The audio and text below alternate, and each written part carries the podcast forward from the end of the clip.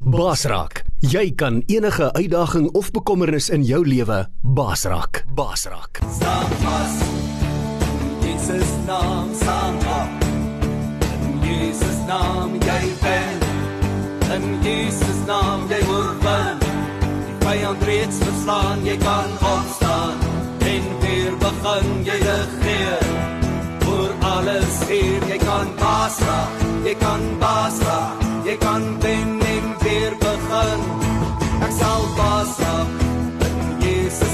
ek sal oorwin. In Jesus naam ek sal wen. In Jesus naam ek sal baas raak. Ek sal baas raak. Ek sal baas raak.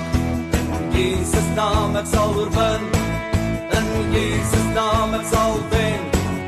In Jesus naam ek sal baas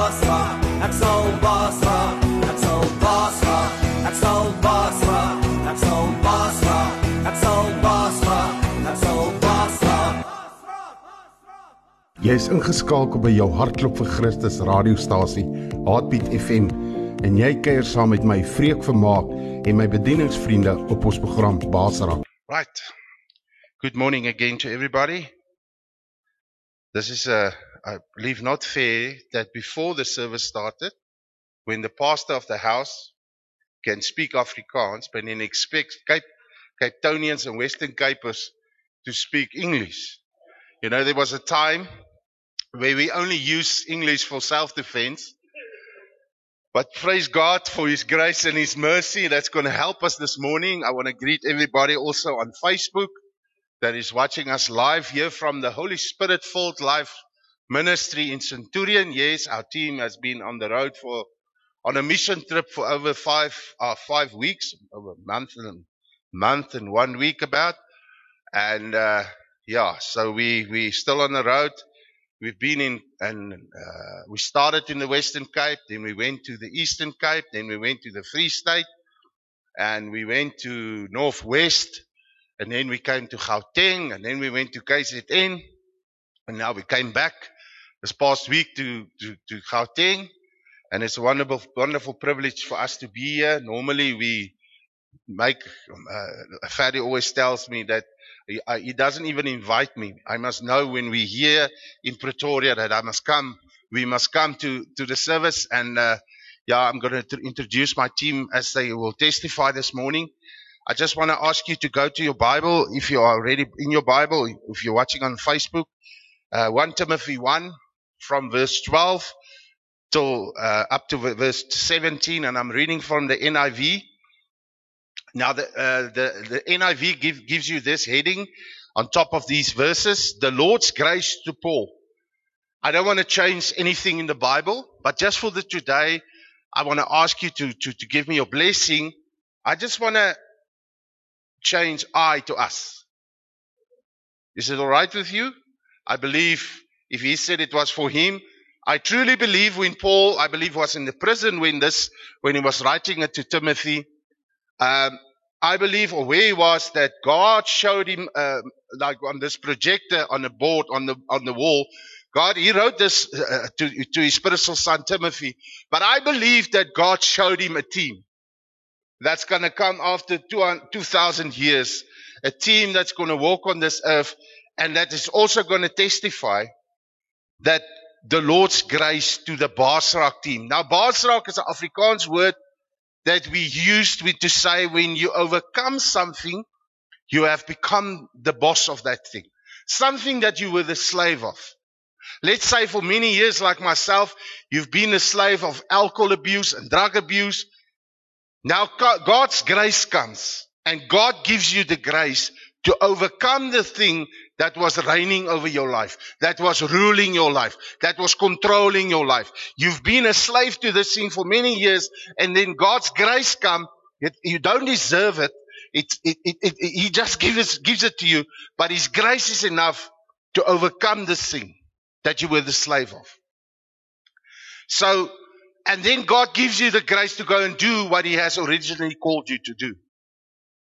So, Paul writes this to Timothy. He says in verse 12, and I want to say this now as, as our team, as the Basrak team, we thank Christ Jesus our Lord who has given us strength, that he considered us, listen now, trustworthy, appointing us to his service.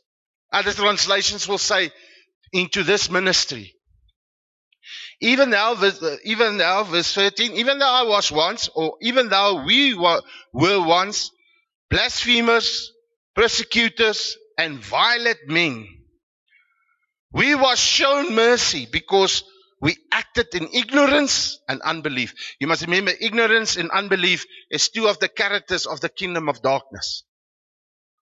Verse 14, the grace of our Lord, Lord was poured out on us abundantly along with the faith and love that are in Christ Jesus. Now verse 15 is one of my favorite scriptures in the Bible where Paul says, here is a trustworthy saving that deserves full acceptance. He says you can take this word, this verse and you can bank it, you can put it in your heart that Jesus Christ that he says with full acce- acceptance, Christ Jesus came into the world to save believers, of who I, we are the worst or the best. now I've changed the Bible because that is not what, what, what he said. He said that Christ Jesus came into the world to save sinners. Praise God. Can we give God a praise? Can we give, can we honor God that Christ Jesus came for one reason to save sinners, of whom we are the worst. The message Bible says, uh, say, uh, say, we are the, we are public sinners number one. When it came to sin, you get sinners and then you get the Basrak team. We say in Afrikaans, ons was morsig. Now, in English, dirty, is that, is that the word? Messy. Ah, but doesn't sound like, Afrikaans. Morsig is morsig. Full fish, yeah, underneath the dustbin. A horrible pit. But for that very reason, we were shown mercy so that in us, the worst of sinners, Christ Jesus must display his immense patience, patience as an example for those who would believe in him and receive eternal life. Paul writes here in verse 16, he says, Christ saves sinners. He's, he's got, he's, he's, he's very patient with them. The worst of them. The most messy sinners of all. Christ is patient with them. Why? Because he's going to save them and not that just take them to heaven. He's going to leave them here on earth to be an example to others so that they can receive eternal life. So Christ saved the worst of all, the public sinners, number one, like this team, myself and my team. This is what Jesus do. He, he saves sinners so that other sinners can be saved. Please hide against pride. Never forget where the Lord took you out. The Bible says all of us sin and came short of the glory of God. Amen. So I want to say with the team, and I believe everybody that's sitting here with us and everybody that's watching and that's going to listen later on the radio, now the King eternal, immortal, invisible, the only God, be honor and glory forever and ever. Amen. Praise God. Paul writes to Timothy and he says that God was patient with him. God appointed him in the ministry. I want to honor my Father God this morning and praise him and honor him and worship him and adore him and will, I will testify that I'm celebrating this month of October my 20th year in full-time ministry. And there's one word that I can say about being in full-time ministry, especially prison ministry. There's nothing else that I can say except grace. For the last 20 years, God's grace was enough for me, my wife, my children, my ministry team, and a lot came and went, our partners and friends. It was all just grace. And I will continue to witness about the amazing grace of God. We were once lost, but now we are found. We were blind, but now we can see. All the honor to the King of the ages, the King of glory, this wonderful, wonderful God who is love, whose love conquered my heart more than 20 years back when I was alone in a bedroom one night, full of alcohol, full of drugs, in a lot of trouble, living the life of a hardened criminal, like Paul was saying to Timothy. Now, one day in eternity, me, I believe the team and myself, and a lot of other people will sit with Paul and say to him, Paul, there's no way that you could have been a bigger sinner than us. You were maybe morsig, but we were the morsigste. You thought you were public sinner number one, but there was eight guys before you, in front of you. Only five of us is here this morning, but the other three is at home. They had to go back. But these eight guys can testify. Paul, do you get the dustbin? You get the rubbish on top of the dustbin? And you know that smelly, stinking rubbish on the underneath, rotten. Paul, that's where the Lord took us out. When I was in May this year, I celebrated my 20th year that Jesus Christ came one, one night into my bedroom when I was busy dying of an overdose of drugs. And my life, I felt that my life is going to end and I had tremendous fear in my heart to die. Because I said at that time, living as a hardened criminal, living as a gangster, a drug addict, all these things, bad things in life. I said, if you ask me, what is your religion? I would have said Christian. Or maybe NG Kerk. That's how I was brought up. That's what, that's what religion taught me. If you're part of this denomination or you're part of this organization and maybe your father or mother serve God, you're okay. We will accept you into our church and we will, then you will get a license. That's what I thought. We will accept you into our church and then you will have a license to use communion. So it was actually a drinking license for me. We made fun about that. But we already drank like fishes before we were accepted. They didn't want to accept me when I was in school because they said I was, I was just too naughty. I was morsig. You're not the type that we can accept into this church. But praise God, Christ accepted me. Praise God, when I was down and out in my life, when I was an outcast, mercy came running when that death had wanted to take me that night in that bedroom and had all the right to take me because the wages of sin is death. When sin gives birth, it gives birth to death. Living the life that I was living. And, and I want to say this. You can honor God maybe with your lips. A lot of people can do that. But where is your heart? Where does your heart, who does your heart belong to? The Bible says you can honor God with your lips, but your heart is far from Him. My heart was so far lost. It was almost like the East is from the West, from God. But I said I was a Christian. Hurting people, robbing people,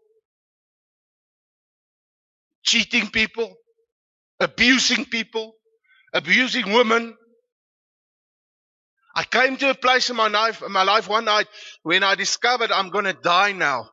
This is it. The final whistle of my life is going to blow and I need it. Grace. But there's a song that said, when I was guilty and they said you deserve to go to hell, like the song that we sang just before we started, mercy. I was lost. I was almost cast down into hell, but mercy came running. Mercy came running. I went this morning and I wanted to see what is the difference between grace and mercy. And I got this on the internet. In the dictionary, grace is defined as, now I had to go and look on the internet how to pronounce this word. Courteous. Is it right? Courteous. I had to practice this morning. I had to get ladies on the, on the internet to help me. Courteous. Is that the word? Courteous goodwill. Define courteous goodwill. Ah, ek kan hom nou sê. Meaning it's not asked for nor deserved. But it is freely given. Mercy, on the other hand, is the compassion and kindness. Listen to this. It's the compassion and kindness shown to someone whom it is in one's power to punish or to harm. The Bible says it's the goodness and the kindness of God that brought you to repentance. We as a team can say this we will testify this and continue to, to, to testify it. It was the goodness and the kindness of God that brought us from crime to Christ. So now let now, now the, the, the, listen to this explanation. It's an act meant to relieve someone of their suffering. Let's put it this way. Suppose someone attempted to rob you, your house. You learned that the robber was just in a desperate situation and didn't intend to do any harm at all. Instead of calling the police, you choose to pardon the thief and let the matter go. That's mercy. And the Bible says his mercy is fresh every morning.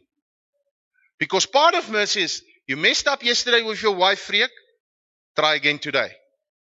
Be careful with your words. So instead of calling the police, you choose to pardon the thief and let the matter go. That's mercy. Then gave him some food and a few dollars to get him through this trying time. That's grace. Isn't that a beautiful explanation of the difference between grace and mercy? We don't deserve that grace. It's freely given to us because of what Jesus Christ did on the cross. But then there's this mercy. When I was busy dying in my bedroom, mercy came running. When death had all the right to take me to hell, mercy said no. And God's mercy started to rewrite my life. I can keep you busy for hours and how his mercy is still busy continuing to rewrite my life. I'm not perfect yet. I cannot walk on water yet, but praise the wonderful name of Jesus Christ. I'm not the man that I used to be. That was not a man. That was a mouse. That was a son locked up in a, in a, in a big body that didn't grow up yet. Because the, the day when you can accept the consequences of your choices and you take responsibility therefore and stop blaming other people, that's the day when you will grow up. So thank God for His grace and His mercy.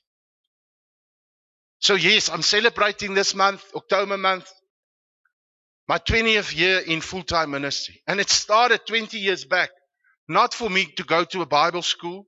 This is the path that God chose for me. I'm not saying He's choosing it for you, but most of my team had an encounter with God like myself in that bedroom where the love of Christ conquered my heart.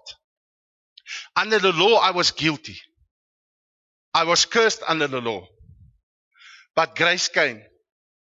And grace became my coach to lay down everything that is ungodly in my life. It was grace. It was the Holy Spirit. After that night, I was about an hour and a half on my knees before God, repenting of my sins. So scared to die. And the love in that bedroom was so amazing that it conquered my heart because God is love. What the law couldn't do, grace did, loved it. That's, that's why when 20 years back, when God sent me to Krugersdorp prison to go and tell an inmate there, awaiting trial, who killed two innocent people and tried to kill another lady in a bar, set the place on fire. He died last year in, in, in level five or in level four. Uh, he was hit by a train. But God sent me to this guy in Krugersdorp prison and, and he told me, go tell Nikki that I love him. I first rebuked the devil because I thought that was, how can God send me to someone in prison? Prison! It's most a messy place, man. It's an evil place. It's the den of Satan. you get people, they teach other people there's no devil, there's no hell, there's no demons. Please invite them with us. You can ask them, you can give me my, my number to them. I will take them with us to prisons in the Western Cape. when they will, they will walk into Pollsmoor prison and they will say, I have been deceived. There is truly a devil because this is his den. Satan is his breeding ground. Because when you walk into that gate, you start to experience, you feel this is an evil place. This is where the kingdom of darkness reign. There's ignorance. There's death. No vision. No life. in that kingdom of darkness, of the kingdom of darkness. And God sent me to this guy in prison to go and tell him that he loves him. Now I always tell people in Afrikaans my my naam is Freek. Dit was altyd Freek Breek. Nou is dit Freek Preek. Meaning that I was always a guy who used to break things and people. And then I got so broken because I hurt other people out of my hurt. And when I got to a place where I was so down and out, so broken, that's where Jesus came my way. And you will hear now from the team where they met Christ, where he came and conquered their hearts. The same Jesus who saved me that night. When I was about an hour and a half, he says in Isaiah 118, he says, Come, let us settle this. Even if your sin is as red as scarlet, I will make it as white as snow. God invites you to come and speak to Him. Speak, put out your, put out everything before Him. And that's what happened to me that night. I was on my knees praising God and I, not praising, begging God for mercy. I was begging Him to, to save me. I don't want to go to hell because I was so scared to go to hell that night because I knew that I deserved to go to hell because of the life I was living without Christ. Dying without Christ that night, I would have been in hell. But you know what? I needed somebody that night that was bigger than death. I needed somebody that was able to tell death because death wanted to take me and I had all the right. I will say it again. But there was somebody that I needed that could say to death, leave him. Samaya. Futsak.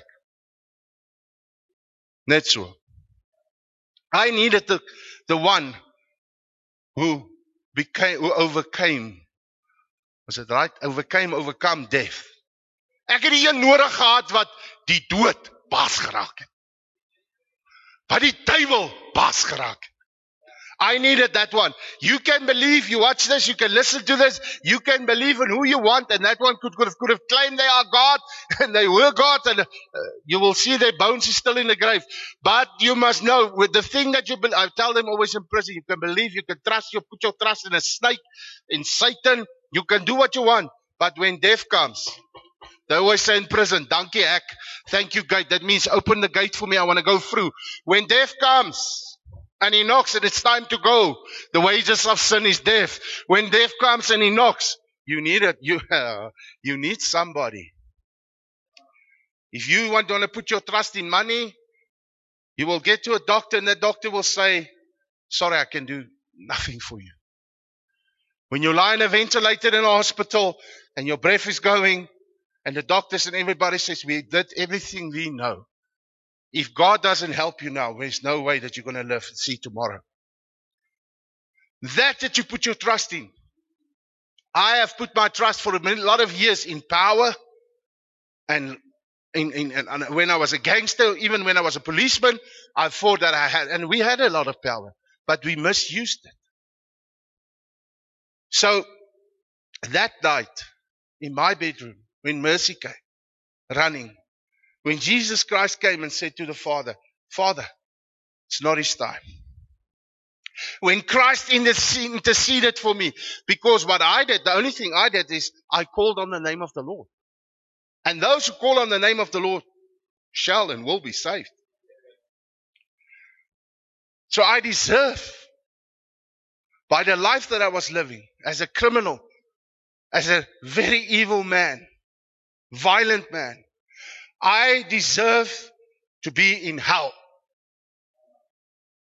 But God, but God's grace came for me.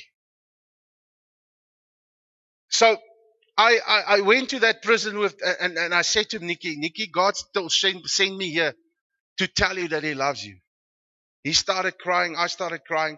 I walked out of that prison and I said to God, this is what I want to do the rest of my life. Since I was a little boy, they said that I will become a Springbok rugby player one day. I didn't become one because of choices I've made in my life. So what I want to say to you to this morning, you listening and watching this and you sitting in, in this place with us, I want to say to you that when I said to that man that God loves him, the biggest sermon I ever preached in my life. And that's why it will always be my message. When we go into prisons, when we go into gang infected areas, where we go, schools, we always tell them, we are here to tell you that God loves you and we love you. And that's what we want to share with you, precious people sitting in front of us here and watching us and listening to us. We are, as a team want to tell you, if God can love us and if God can change us and if God can use us, he can do that for any one of you. The only degree I almost had was I was almost on third degree. That's it. So the first guy I'm going to ask you, because I walked out of that prison and I was praying this and I was asking God, like I said, this is 20 years back. And by the grace of God, I'm still able to go into prisons, go to schools. We saw two weeks ago, or three weeks ago, two weeks ago, how God did mighty, mighty things in Vryheid, in KZN, where over a thousand children stood up in a school, giving their lives to Christ. So, we truly believe that there is revival. It's time for revival. We truly believe that it's time to run with the gospel, with the fire of God. And what we saw, we see on this mission trip, how our Father's heart is reconciliation. He wants people to reconcile with Him. He wants people to reconcile with each other and also with themselves. Now, one of the guys, I'm the one that I'm going to introduce to you first because I walked out of that prison and I was asking God and I was praying and I didn't know it, the perfect will of Father God for my life. I was born to bring the heaven to party. And there's only one way to get heaven to party when a lost prodigal comes home. Heaven doesn't get excited over, over blind eyes that open and the lame walking. When a lost son and daughter wakes up, come to their senses in a big hole and comes home and say, Father, I've messed up. That gets heaven excited.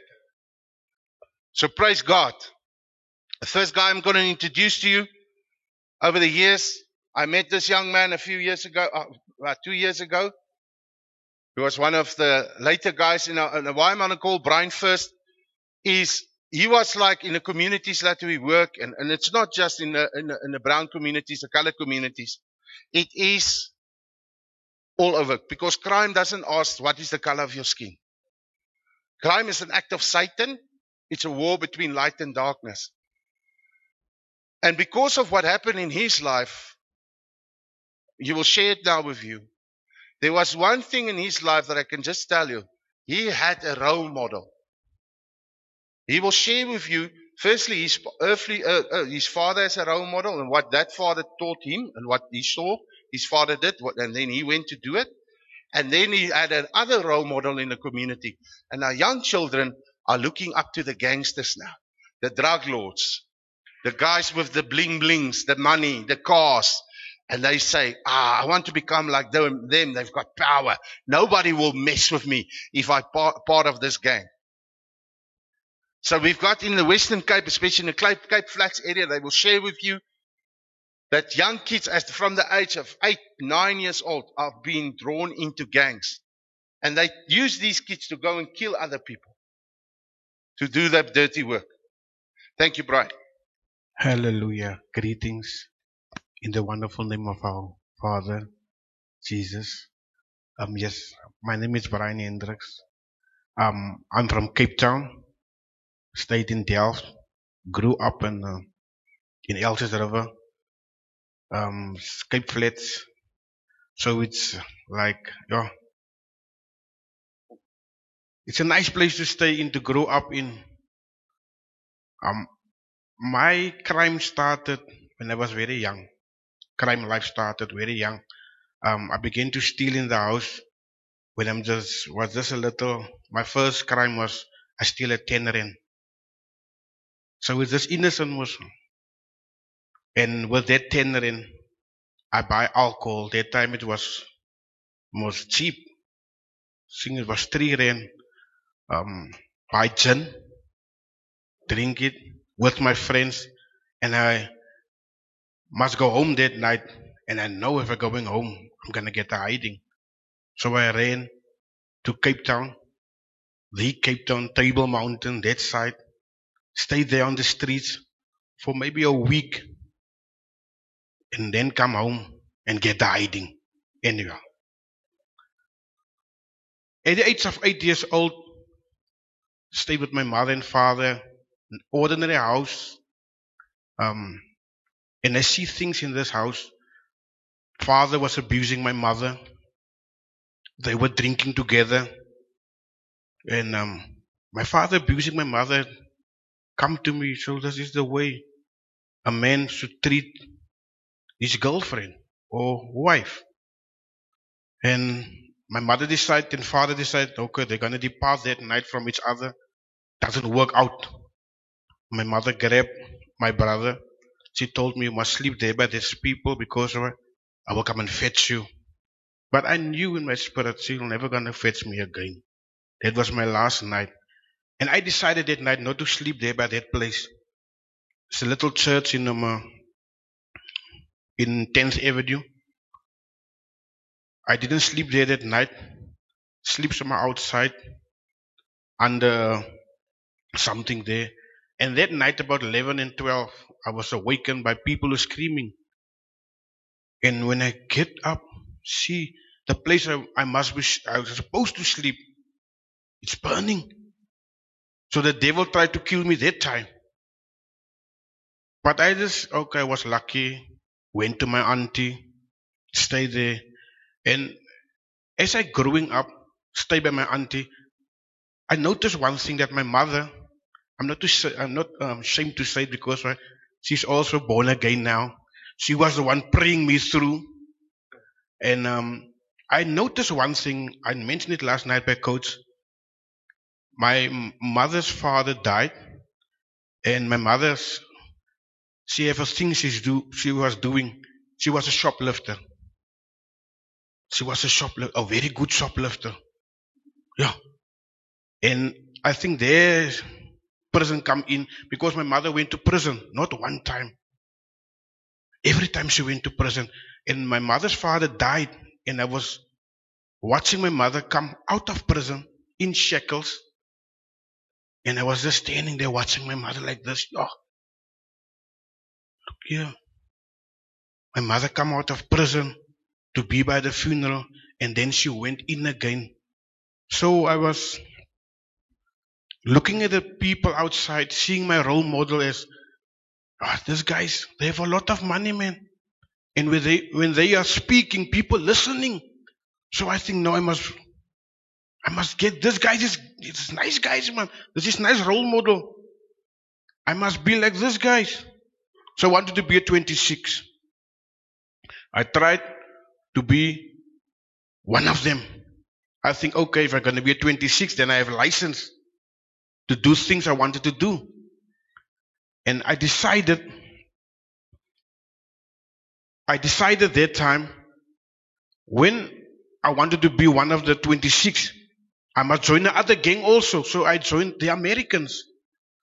So when you are American, you're part of a team now, part of a family, a nice family now. My brother, I'm gonna die with you, man. I have your back. But when sometimes when yo, when the people comes, they just run, and you are alone. I have some scars, a battle scars. Oh, when people run away and they catch me, you must pay the price. And even there, God's hand was on my life, but I didn't know it. Even there, He kept me safe.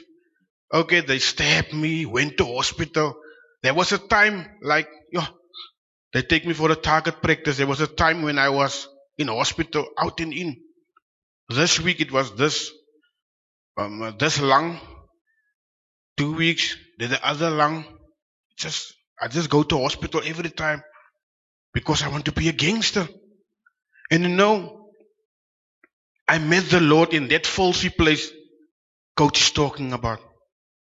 That evil place, the Lord found me. He found me there.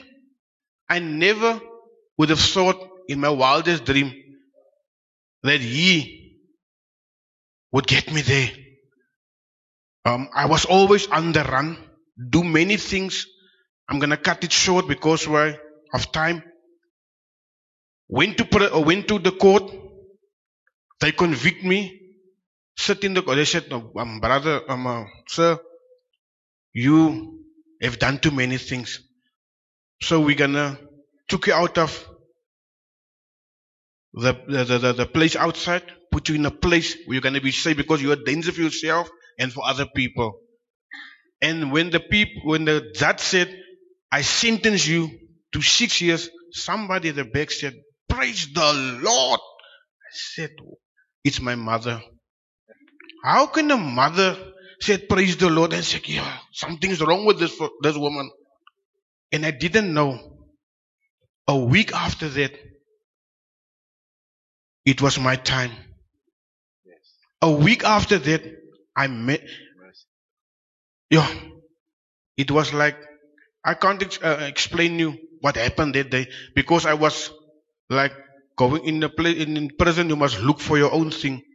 That is the other world. There is where they were the guys with the 26 or the 27th.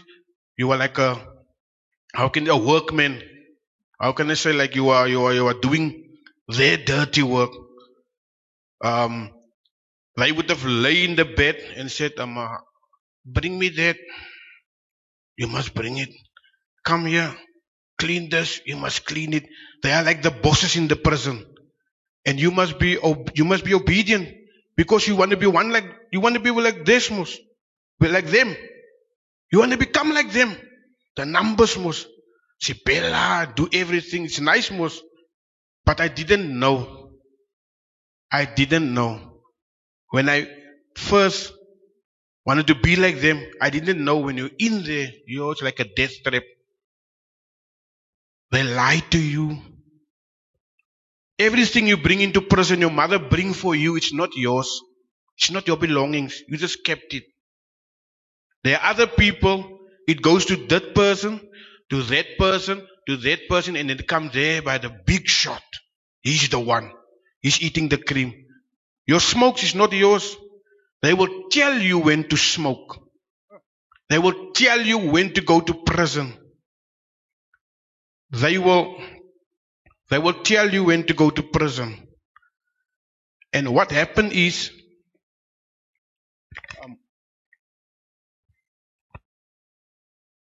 what happened is, I decided, yo, I'm in a death trap now. Look here. They told me it's nice. Now to be a number, it's nice. That is the lie they told you.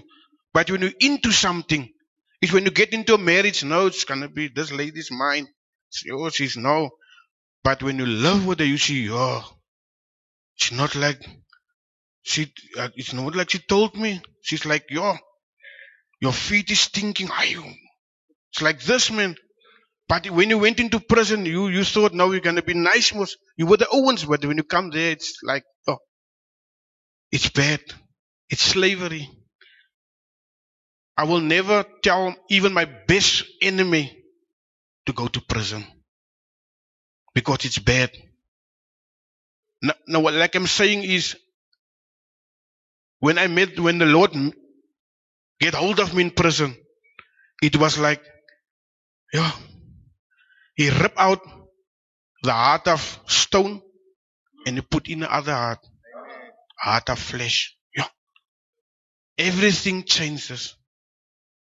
My speak changes. You almost English now. Yeah. Good now. Yeah, it's English now. I never thought, and you know the places I go now.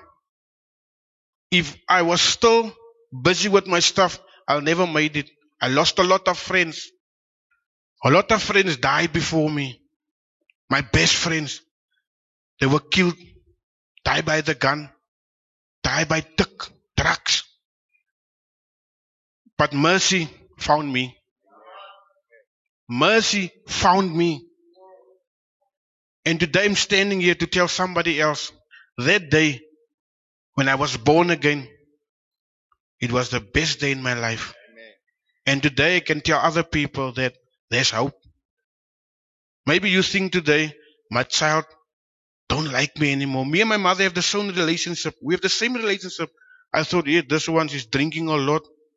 My mother was laying there, drink, drunk, but she was the one who prayed me through. She was coming, she's come to my father's, to my grandmother's father's funeral with shekels. Yeah, it was this grace, man. How can you come like this? And my father, he rubbed something off on me, telling, um, um, hitting my mother. So I was also doing that. So I needed to change. But everybody said, he will never. Yo, him, never. In life. Him, no. They never use the word, maybe you wanted to. They always said, he'll never. He, the sea will never even wash him clean. But they never thought of the word, maybe you wanted to. Inside, I was screaming out for help. But people didn't see it. They just see this guy robbing people, stealing people, killing people. And when, when, you're, when you're in the gangs, you need to do all that. You must be a killer also. You must be a raper also. Gang rape. Why I'm telling you this?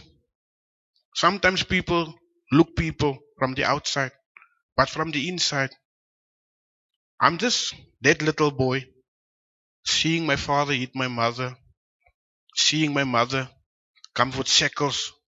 Maybe that give me a, a kick. Hey, it's nice. That's nice thing. But to them telling somebody about somebody who can change anybody, God. Amen. Amen. Let's give the Lord a hand. He's been saved now for over 2000. Jesus Christ saved him in Paulsbourne prison. Eh? So for oh, almost 21 years, 20 years, never been back to prison. As far as I know, he never stole from somebody again. Mm. Never. Never. Asked the Lord for a young wife.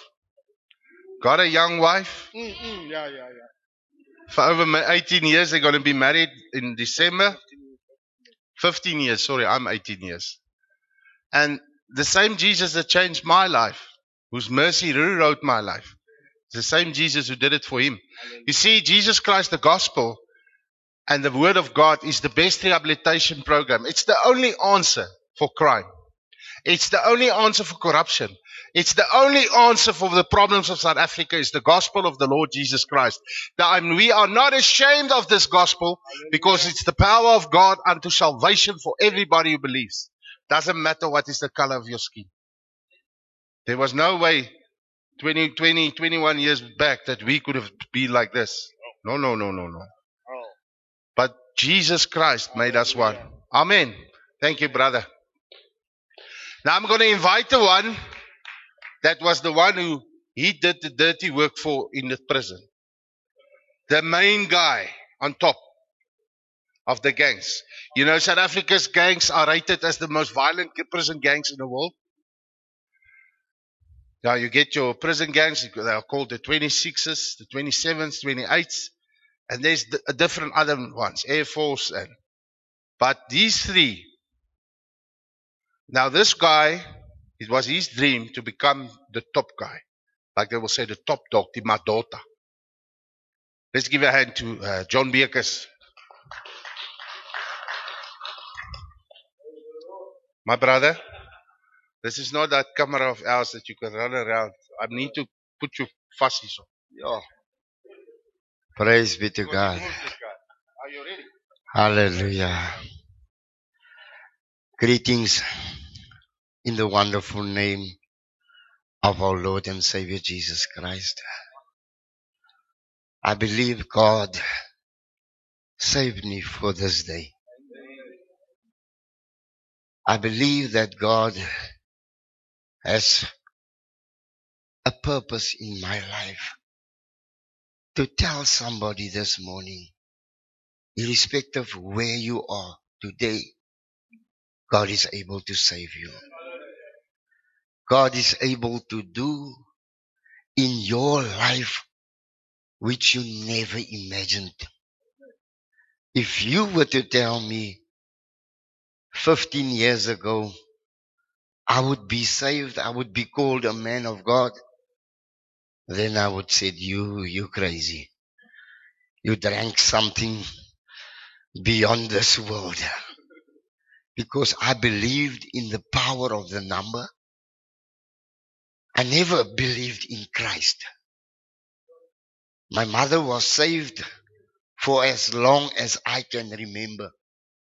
And I, when she, when she prayed for me at night, I would tap her on the shoulder and tell her, please don't pray for me because I don't believe in this God you're serving. I need to see. I need to really, I need, I need to see God before I can believe in this God you, you're talking about. And you know, at the young, tender age of 14 years old, I saw, I saw the 26ers, that they the guys with the money, they the guys with the gold rings and chains. Oh, the clothes were nice. And the thing that I saw, they got the best of women. So I wanted to be someone like that. And then 14 years old, I, I ran away from home and um, I was born into a family where, where, where all were smugglers. Everybody sold drugs in my family and I, I went to my uncle and I just started uh, selling drugs. 16 years old, I went to prison for the first time. And um, what we did, we pulled an armed robbery and um, we were captured and sent to prison. I was a juvenile still at that time, but um, they couldn't punish me. The, the court, the court couldn't sentence me at that time because of being a juvenile. And I went to the, to, to prison for two years. O Here, die Here gaan my nou regtig help. Nee, die Here gaan my help. Nee, asseblief, Freka man. Asseblief. Op 16 jarige ouderdom kom ek by die tronk aan. Baie gevaarlike plek, Paulsmo Maximum. A place not for a human being. But my name, I, I, I had this nickname Ringo. And everybody was excited about this young guy, bloodthirsty. And um, there was nothing. Daar was niks wat in my pad kon staan nie. Nothing. Niks. I believed that I could, if I could become a 26, that I could, I could make a difference in my community. I went to prison, 16 years old. I first got out of prison when I was 27 years old. I only got a five year sentence, but omdat ek die, die gang gejoin het, I had to prolong my sentence. And every time it was time for me to discharge, I decided that I was, I was going to go on with the number because I climbed the ladder of the 26ers. And I became one of the top dogs. Where I could give Ek kon mense instrukteer wat om te doen. Ek kon mense beheer. When I came out, was part of the Americans. And that was hell. That was hell because now I had to, I had to prove myself to the number and I had to prove myself to the Americans. My whole youth. Sê dit altyd. Korrektiewe dienste het my groot gemaak. En hulle het my baie min kos gegee, net mielies. Ek het geweeg vir vir vir Vir my hele lewe lank het ek geweeg 37 kg. At the age of 42 years, I still weighed 37 kilograms. Die boer het my te min kos gegee. And liquor is all sorts of drugs. Because now I was hooked on drugs. I sold drugs. It was just, but for me it was a roller coaster at that time. I believed that I was the top man. Ek moes hoeveel keer ek sit ver oggend in die voordag, sit ek in die Here wys my dat ek moes soveel keer dood gewees het. And I believed it was my name that kept me alive. It was my name that, that people feared, but it was not that. It was the grace of God that kept me into this life. En volgend vir die eerste keer wys die Here my dat ek steel een aan te kar in Mitchellsplein. En ek ry met daai kar, ek moet in Pagood kom. Die polisie begin my van van Filippi af begin die polisie my agtervolg.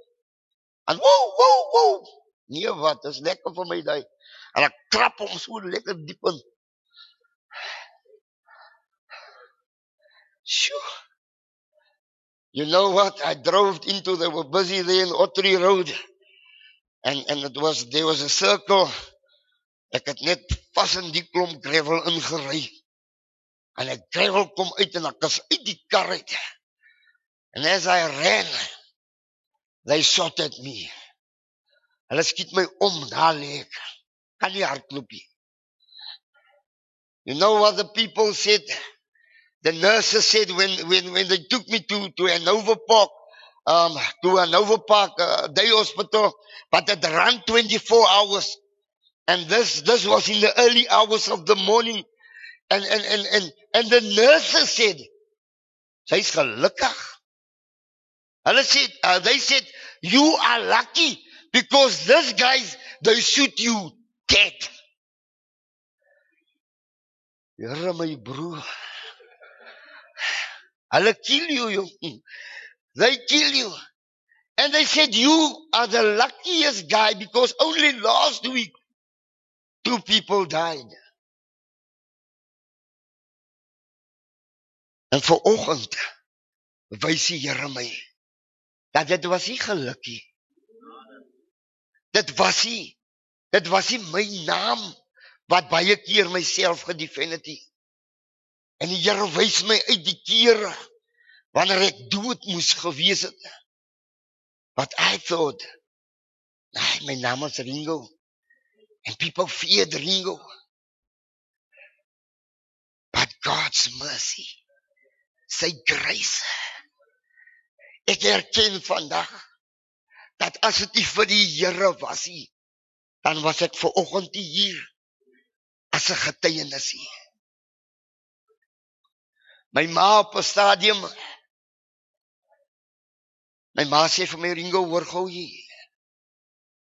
Ek is deur mekaar. Mense is bang.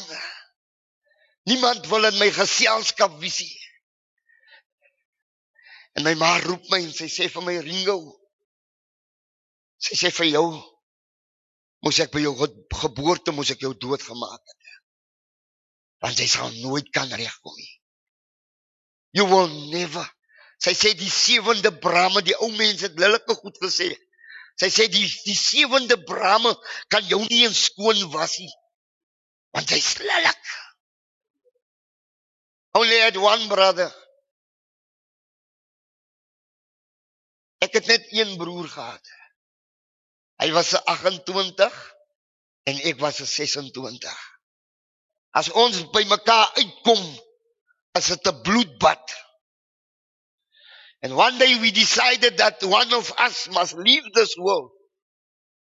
Ons het mekaar moet draad vasgemaak, vreek, moet draad vasgemaak. En elkeen 'n mes in ons begin steek. altyd in die hospitaal beland. Maar die Here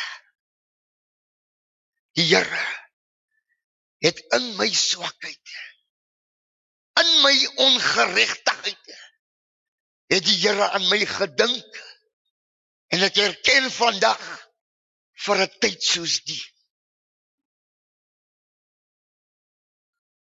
Ek dink vir myself ek moet ek moet want ek voel ek gaan ek, ek my tyd is naby dat dat daar is niemand wat nie van my ken nie. As ek kom, dan gaan die antie so lank die bek wegstiek. Dan is dit lekker en is nice. Ek is in die kerke, ek is in die mense se huise. Hulle stiek nie meer hulle goed weg nie. As ek net nader gekom het, my gesig lyk kok so. Ek het nou die dag vir iemand gesê in die winkel, asseblief moet jy 'n mens kry die mense in die winkels wat as jy in die winkel instap, dan loop hulle al agter jou. Hulle hulle is net so rondom jou. Toe sê ek nou die dag nee, ek is klaar, my hande is gesond jong, ek moet jy hoef nie nou meer agter my te stap nie. Want die Here het my gehelp. Dit raak so erg in my lewe dat die gangsters wil ook nie meer naby my visie. Dit raak erg. Ek was die worst of worst. Want toe hulle hoop opgee sit hulle my naam op 'n lys dat ek moet sterf. Jou eie mense moet jou uitdaag. Want jy raak vir hulle ook 'n gevaar. As hulle in die nag daar oor die land kom, die groot TV's en goed, hulle daar by die wit mense gesteel. Dan vra die een die ander een, "Waar gaan jy goed verkoop?" Hy sê, "Nee, ek gaan hier om." Hy sê, "Moenie daardie gaan nie, want Ringo wag vir jou daar." Die skelm sê vir die ander skelm, moenie daardie gaan nie want daai skelm is baie skelm. En toe ek op daai vlak kom waar ek sien die manne is ook nou versigtig. Toe weet ek nie my hande is malaats. Ek sal iets aan die saak moet doen. En ek sê vir myself ek gaan maar trou. Ek gaan maar 'n manier wys om met die gang te kom. Met die nommer uit te kom gaan 'n manier wees om op te hou smokkel. Ek gaan maar vrou vat en trou. Ek het amper gedink ek het die verkeerde vrou gevat nie. Want ek ontmoet 'n jong vrou. En ons twee begin met hierdie verhouding. Ha mense sê die ding is hier reg, los hom. Ek gaan jou doodmaak. My mense sê vir haar Nee, wat wat wil jy met die die jong hê? Vyf kinders. En jy moet weet by watter plek as ek van hy vyf kinders het ek nog nie eendag gesorg nie. Maar ek is 'n myn ou hier buite. Ek is 'n man wat mense vrees. Maar kan nie 'n pa vir my kinders wees nie. En ons trou ongeag wat die mense sê besluit ons dat ons gaan trou. En vir die eerste 5 jaar van hy van hy huwelik was dit 'n bloedbad. Ek praat van 'n daaglikse bloedbad. Ek het demone in my wat vir my sê ek moet vir haar doodmaak. Sy swanger met ons tweede kind En die demoon sê jy moet haar doodmaak want hy is nie jou kindie. Sy's van twee ander mans is sy swanger. En ek glo dit. Ek maak 3 aanslae op haar lewe wat ek die kind uit haar magheid wil verwyder. Maar dit by die derde keer kom. Toe besef ek dat die hand van die Here iets is besig met my. Want vir 3 keer misluk my pogings om my kind uit haar mag uit te kry. En finaal toe besluit ek dat jong, ek moet my maar net oorgie.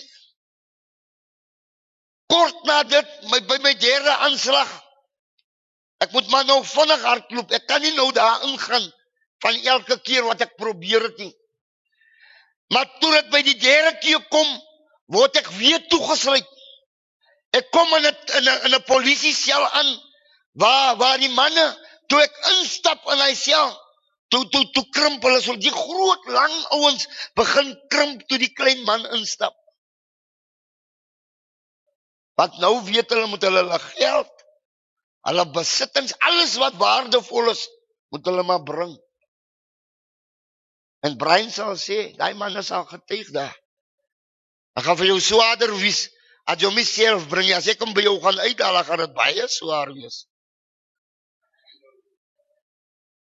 Ek kom daar vir jou ka. En vir die eerste keer in my lewe gaan my oë oop. Ek is 42 jaar oud. Dis 'n man, dis 'n man wat in my my plek bly in my omgewing bly is 'n moslim man. Nou kyk wie gebruik die Here? Hy gebruik sommer iemand wat hy nooit aan sal dink nie.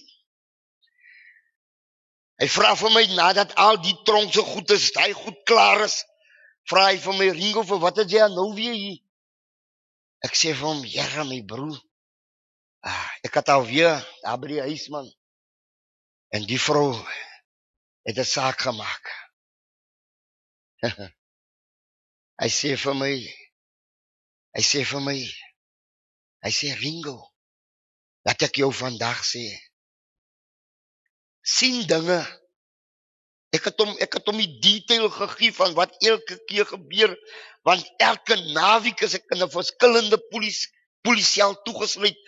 En hy sê vir my moenie dinge moenie laat mense vir jou dinge laat sien wat hulle vir jou wil laat sien nie sien dit van jouself af uit jou oogpunt uit. Hy sê vir my ek het een antwoord vir jou. Hy sê love conquers all. In 'n polisie sê iemand vir my dat die liefde oorwin alles. Ek het uit daai sel uit gestap I'm telling you it was my last time Dit was my laaste keer wat die polisie my ooit kan toegesluit het Want toe hy skille van my oë afval, twee twee weke later, toe gee ek myself oor vir die Here. Die hele gemeenskap sê nee, hy is nie bekeer nie man. Ah, daai jonge skelm, hoe kan hy vir hom bekeer? Hulle sê nee, hy het gesien hy kyk het geld. Hy gaan hy geld steel, het met my weg. Ek wil vir julle sê 15 jaar later, ek het nog nie weer gevat nie. Ek het nog niemand aangerand nie. vandag hy selfde gemeenskap wat gesê het hy sal nooit regkom nie. Dit is hulle wat vandag aan my deur klop. Hulle vra broer, wil jy goed bid vir my nie my huwelik is deur mekaar. Hulle vra broer, my kind is siek, wil jy tog maar nie. Hulle klop aan my deur wanneer die gangsters mekaar doodskiet, dan kom klop hulle aan daai selfde deur. Hulle vra nou pastoor, wil jy tog nie my kind begrawe nie? As ek net kon weet. As ek net kon weet wat die Here in staat is om te kan doen. Nou moet jy weet ek het dit genoem aan die begin.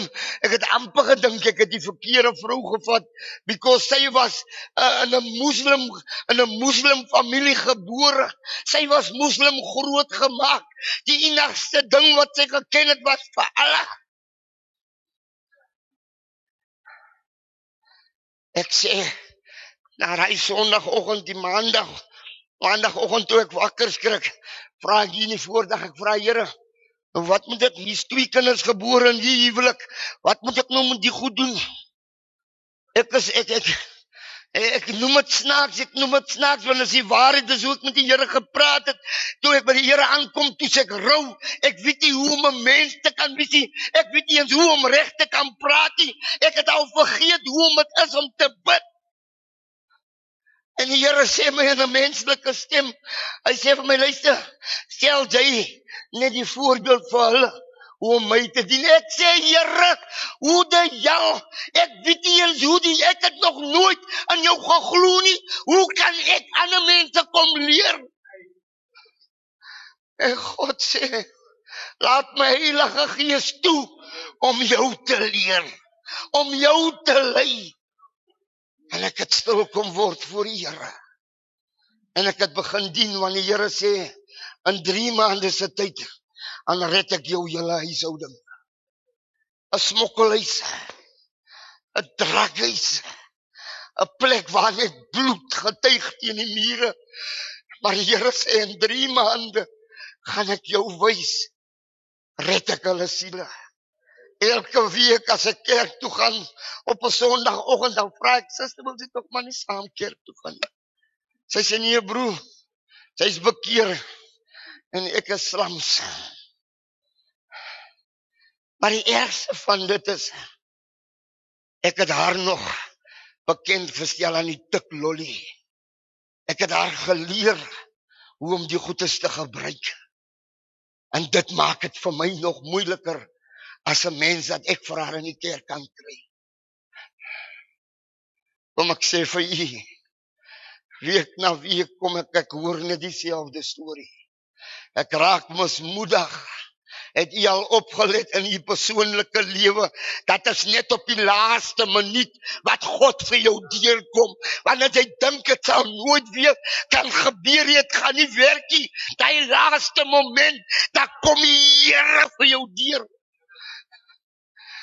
Op die laaste sonderdag van die Here man ek is al nou mismoedig gevra. Ek ek wil eintlik nie vanoggend praat nie maar maar ek ek ek vra maar suster Ek suster nog toe sê sy: "Broer, kan jy dan nie sien ek is aangetrek by die kerkie?" Ek wil nog vra aan die kinders. Sy sê: "Broer, kyk na die kinders." Ooh, Here, kyk hoe pragtig die little slamsies het kerkrokkies aan. Asapira, Swazira en Astasima. En ons stap daai sonoggend. Stap ons kerk toe. Daar's 'n besoekende volk soos ons vanoggend hier besoek. Is 'n besoekende volk wat daar wat daar bedien word daai oggend en en en en suster Soraya. Suster Soraya gee getuienis en en en toe suster Soraya klaar getuig het, toe suster Nazima op haar knie koppe en sy het net trane wat uit haar uitkom want sy gewaar dat die Here hy red self die moslems. Halleluja. Hy oggend gee sy haarself. Sy gee haar lewe vir die Here. And I'm telling you today, ever since that morning, our lives has never been the same again. Oh, koning dankie.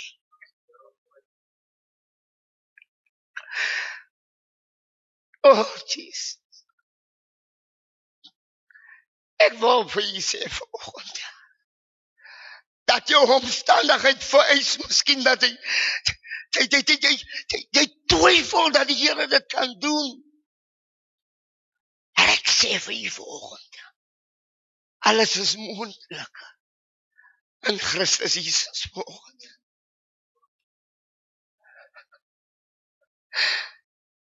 O oh, Here, dankie.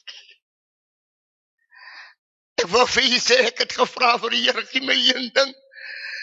Ek vra Here dat ek en my huis net die Here dien.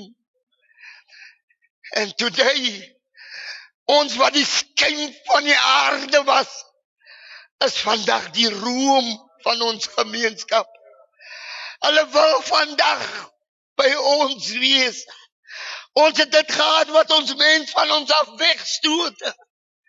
Maar die Here het aan ons gegee vandag om mense na ons toe te trek. Ek het gedink dit was die verkeerde keuse van 'n vrou.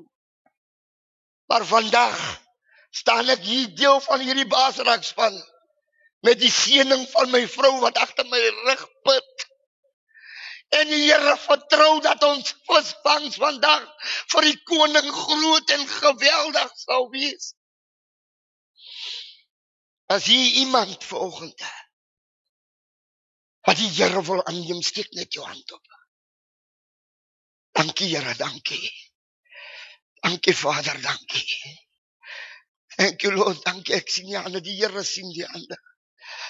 Die Here ken u lewe vanoggend. En hy is in staat vanoggend om die verandering te kan maak.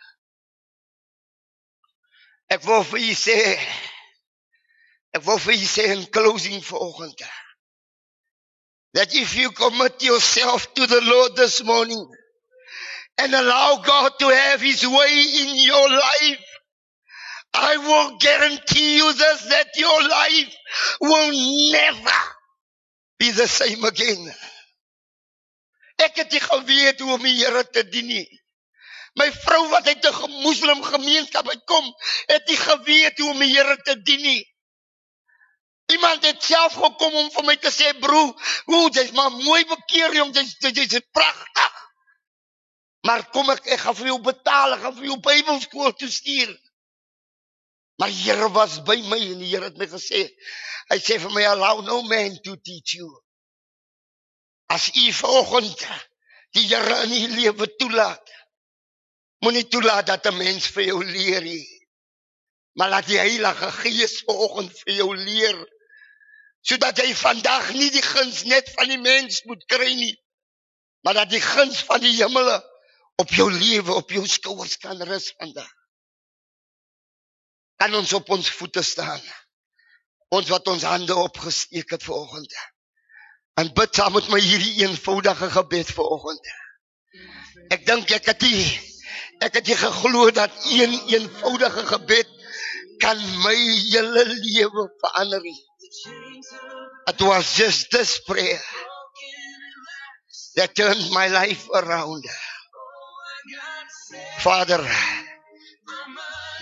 Ek kom vanoggend. Ek erken vanoggend dat ek 'n sondaar is.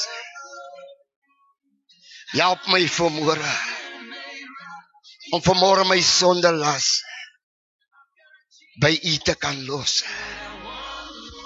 Was my vanmôre in die bloed van die lam en vergewe my vanoggend van al my sondes en my ongeregtigheid. Leer my. Wys my hoe om vir u kind te kan wees.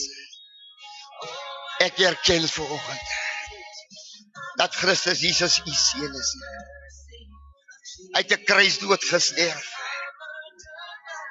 En hy het Here die derde dag opgestaan. Ek erken vanoggend dat ek niks sonder U kan wees. Daarom nooi ek U in my hart in my lewe dat U vanoggend totaal beheer van my sal kom neem. Dankie dat ek weet vanmôre dat ek 'n kind van God kan wees dat die wêreld sal kan sien dat u liefde uit my uitstraal.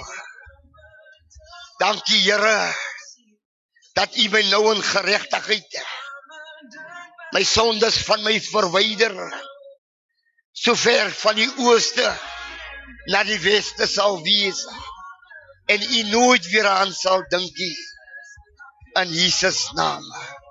Dankie dat ek vanoggend u kind kan wees. En dankie dat U vanmôre vir my 'n Vader is. Dankie Here dat van nou af U my lewe bestuur. In Jesus magtige naam. Vader, ek bid vanmôre oor hierdie volk.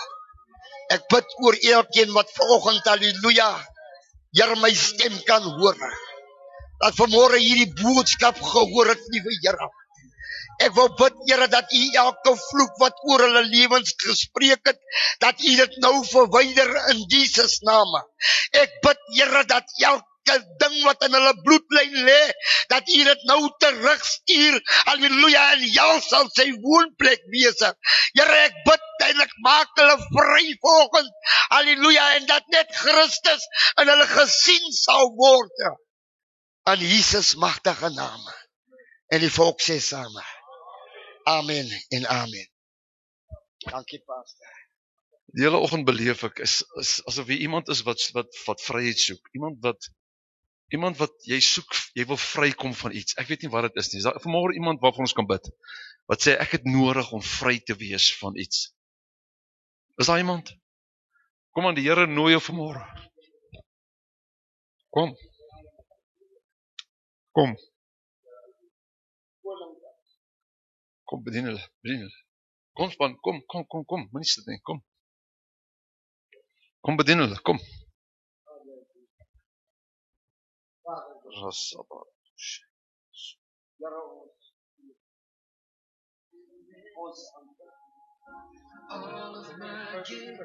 Erased. The.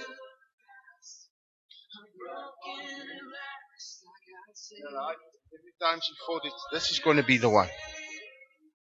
And then he, the abuse came, the disappointment came. And that brought her to a place where she was carrying this water can for many years to this well. She couldn't go at the same time as the other ladies because that was the time that there was a lot of conflict because the women in the community didn't like her because she took their her hus- their husbands from them. And she was carrying this burden. And the Lord met with her at the well. And his love, his love for her conquered. That's where her biggest frustration, her biggest disappointment, her biggest burden, daar waar sy so moeg was. Dis daar waar die Here vir haar wag. En dan begin die gesprek and the thing came to a thing where he said to her, go call your husband. And for the first time in her life, she had to speak the truth. She said, I don't have a husband. And he said to her, because he wanted to give himself to her, he wanted to give the truth to her because he is the way, the truth, and the life. He wanted to give himself to her, but she couldn't speak the truth. I can't go on like this, Lord. I'm so broken. I'm so tired. I'm so in bondage. My past is keeping me hostage. Kom, kom, kom, gou, gou. Dis vir jou wat hy wag hierso vandag. The place where she was so hurt, so broken. But his love came, for her heart. And he opened up that hardened heart, that broken heart with his love. And the day when she spoke the truth, she said, I can't go on like this. I need to speak the truth. This is not my husband. I've been abused for so many years. I've been, been hurt for so many years. This next one that stays with me is not my husband. I'm just staying with him because I've got nowhere to go. And the Lord said to her, Because you spoke the truth now, because you spoke the truth, I can give myself to you. I can give you the truth. And this is my prayer. There's something that happened. When his disciples came back, she did something. She took that water can, that burden for so many years that she carried on her back. Ja, Here bedien haar. Dankie, Here. Dankie, Here. Dankie, Heilige Gees. That thing that she was carrying for so many years, that water can on her back, she kicked, she left it there. There where she had an encounter with him. There where she sacrificed herself for him. And that's where the change come for her to go into a town. But she said, I can't carry this thing anymore. I'm, I need to leave this behind. And she left it. She walked away. And she fed his hunger for souls. She fed his hunger for real worship because they had a conversation about true worship. This is the time for people to serve him and to worship him. The Father wants that in spirit and truth.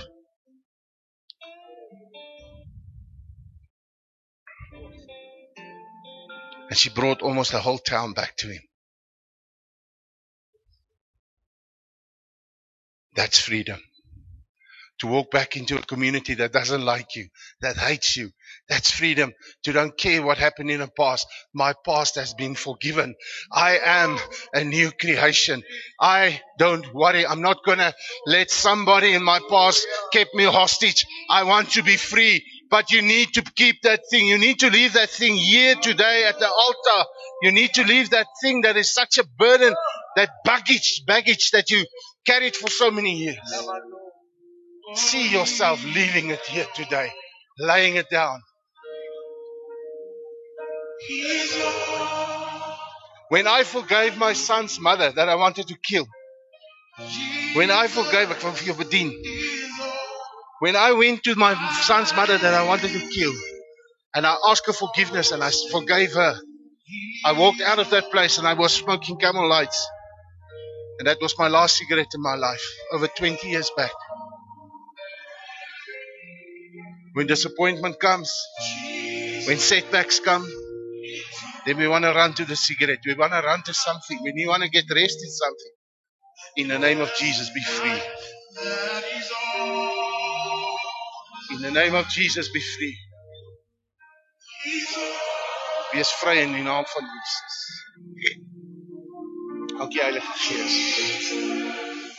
Dankie Heilige Gees. Dankie Here. Dankie.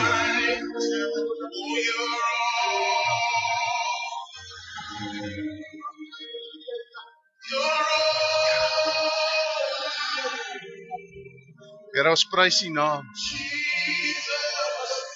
Jesus. Julle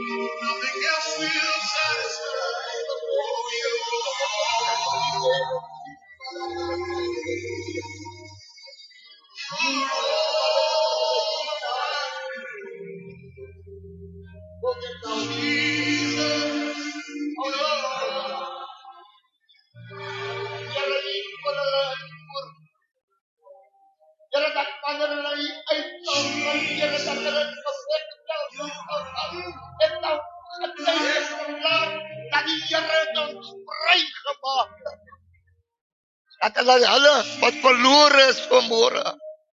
Here na U sal bring. Dat hulle lewens 'n getuigskrif sal wees van wat die Here vanoggend vir hulle gedoen het.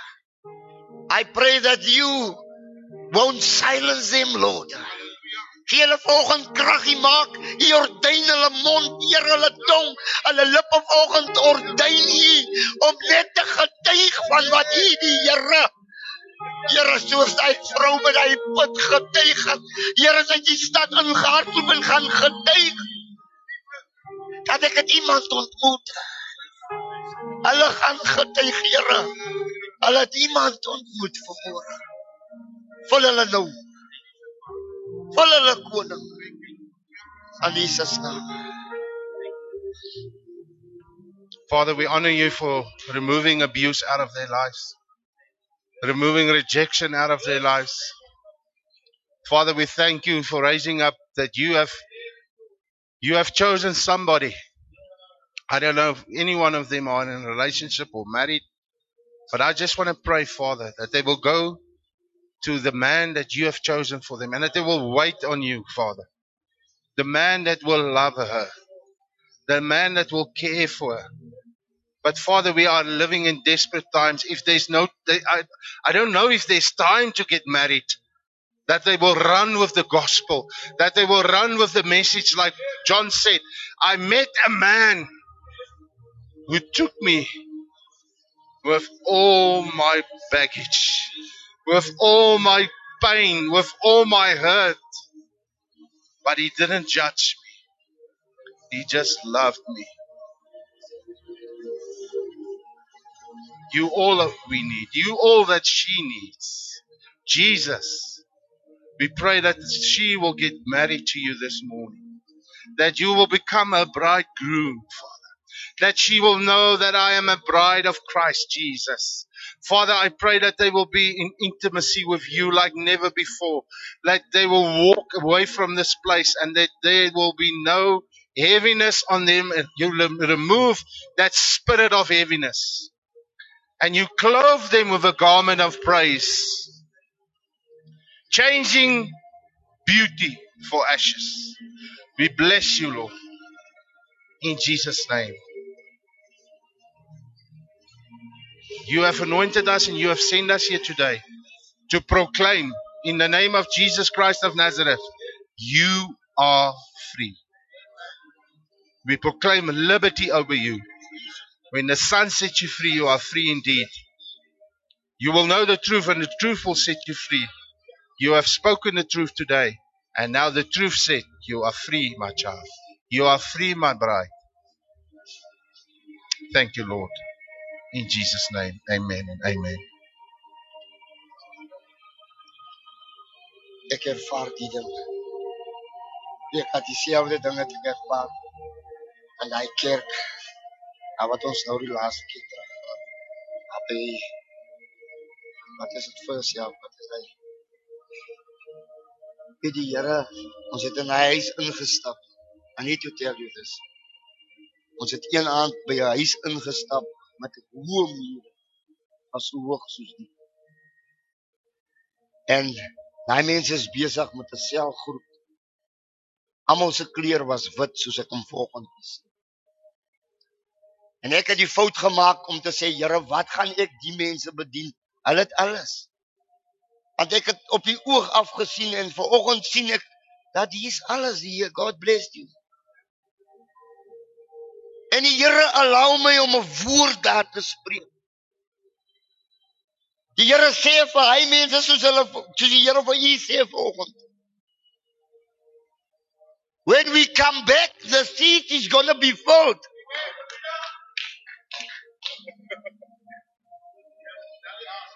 Ek het nie geglo nie.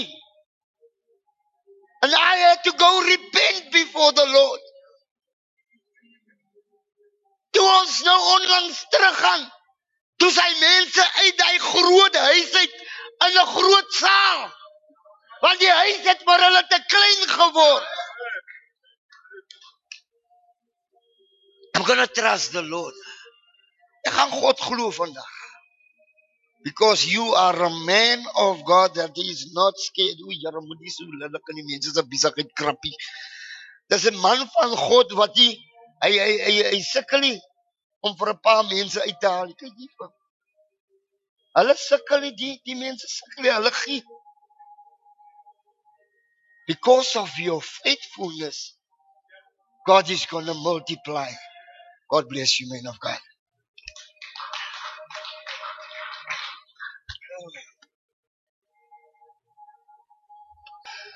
Dame, ek weet nie wat jou naam nie. Ja, jy. Die Here sê jy het baie seer gekry al en jy's baie bang om jou hande uit te steek en te sê Here, ek sal doen. Maar jy het so begeerte in jou hart dat jy vir die Here sê, Here, stuur my. Maar jy's so bang om te gaan. Want daar het soveel dinge al gebeur. En vanmôre wil die Here vir jou sê, hy gaan jou seer gaan hy wegvat. And he's going to change it into joy. And it will be not a joy that is for the now. It's a joy that will be unspeakable.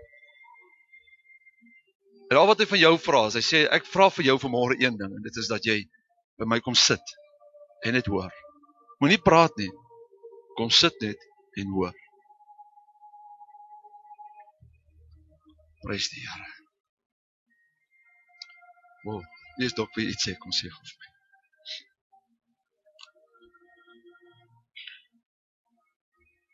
Ag, dis net iets wat die Here nou 'n hele paar keer vir my gewys het. Vir die wat nie weet nie. Een van die roepings wat hy vir my het is met ateïste op die internet te argumenteer. Maar hy doen dit veral om jong mense te keer na hulle goed. En hulle het allerlei goed om te sê hoe goed ons staan het en so. Toe die Here vir my gewys om my gasstoof aan te steek. Met jou vuurhoutjie trek. Jy moet 'n reaksie doen om 'n verandering te bring. En daai reaksie is die Heilige Gees. Amen. Prys die Here.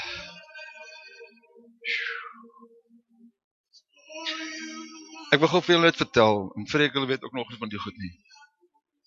Ek het 'n vriend gehad wat ek so vir 20 jaar lank verloor het langs die pad ergens ons mis mekaar gemis en twee weke terug toe is ek by 'n ander vriend van my en ek ek vra net so in die bloute. Ewe skielik vra ek hom 'n vraag. Ek sê vir hom weet jy waar's Joseph? Ja hy weet waar's Joseph. Joseph is in Boksburg. Ek sê Jesus het my so nommer. Ek weet nie iets in my geestelike ding gehad ek moet by Joseph uitkom. En ek maak bel vir Joseph en ek sê vir Joseph ek wil kom sien, ek ry die een donderdag deur. Gaan sien vir Joseph en weet wat, toe hy toe ons by hom sit. Jy moet gou vir my mooi hoor. Toe ek by hom gaan sit, toe ons begin saam bid net. Ons net begin saam bid. Toe sê hy vir my, die Here wys vir hom hierdie kerk, hierdie kerk, hierdie pastoor en hierdie pastoor spreek vloeke oor ons uit. En ek wil vir vanmôre vir jou sê vandat ons dit gehanteer het, gebreek het, is daar in my gees 'n roer wat ek lanklaas beleef het. Lanklaas beleef het. En wat daai man nog nie geweet het vanmôre nie is Joseph vat my hande so en hy sê die Here sê dit wat wat, wat jy besig is om te bou gaan ek jou hande sterk maak om dit nie om dit klaar te maak.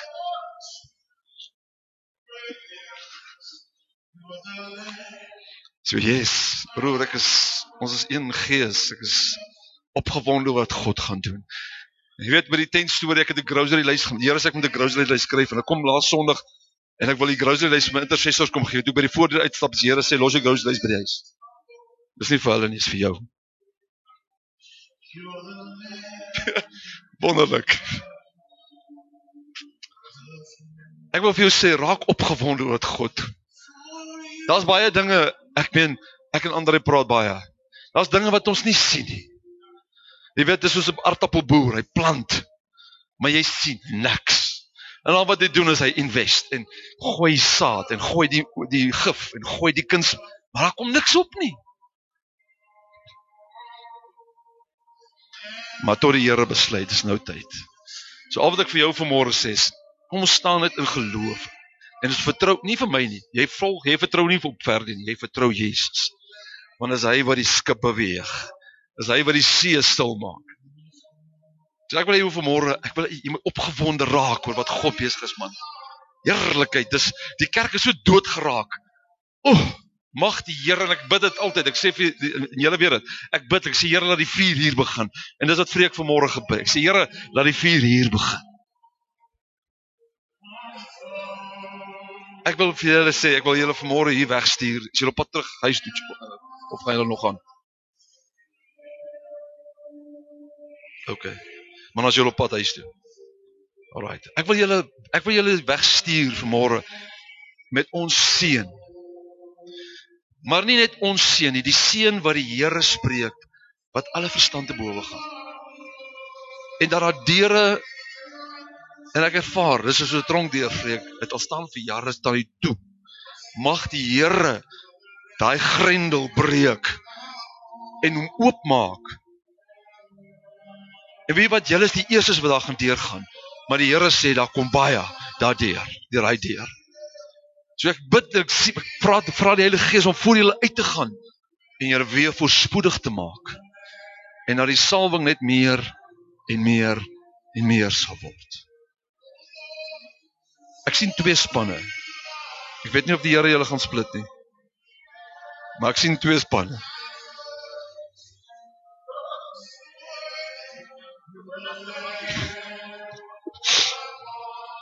Mag die Here voeg, byvoeg. Salf en seën. Maar weet jy wat daar's een skrif en ek wil die ander moet my skrif op die oh, ehm uh, gooi my skrif op die bord. Ek wil julle moet hierdie skrif altyd by julle hou. Markus 16 vers 20. Markus 16 vers 20. Hoor mooi wat sê hierdie skrif.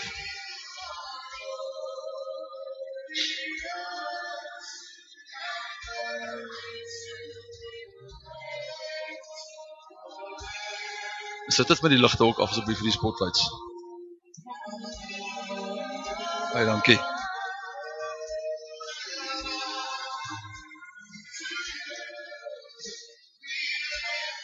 Markus 16 vers 20.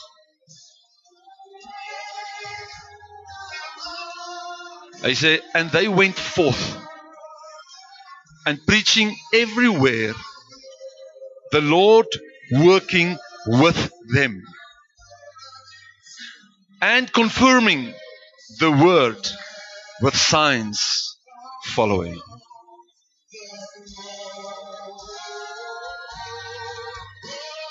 vat vanmôre hierdie skrif en sê Here, oral waar ons gaan preek, mag die Heilige Gees saam met ons werk. En die woord bevestig deur wonders en tekens. In Jesus naam. Ek dink daar agter is lekker wat koek en wat wat wat so ander gaan vir ons help daar. Bid vir ons. Bid vir ons. Bid vir vreekers. Sit op jou gebedslys. Mag die Here, weet wat daar's min mense wat nog die evangelie verkondig. Min. Baie wat 'n goeie boodskap lewer wat mense aanmoedig, maar daar's min wat die evangelie verkondig. En ons raak al hoe minder. Soos die wêreld ons insluk met sy soos jy gaan lees daai gedeelte van die van die voëls en die saad. Hy sê die sorrows of life devours. Moenie hulle die sorges van die lewe, die woord en jou geloof steel nie. Bly by die Here. Ten spyte ongeag van bly by Jesus. Amen. Jy is ingeskakel by jou hartklop vir Christus radiostasie, Heartbeat FM, en jy kuier saam met my Vreek Vermaak en my bedieningsvriende op ons program Basrak. Hallo aan al ons Baasrak vriende. Ek het vir julle goeie nuus. Jy kan nou enige tyd, enige plek na ons Baasrak programme luister. Deur dit gratis te gaan aflaai op ons Baasrak potgooi webblad. Al wat jy moet doen is om die Baasrak webblad te besoek by www.baasrak.tv.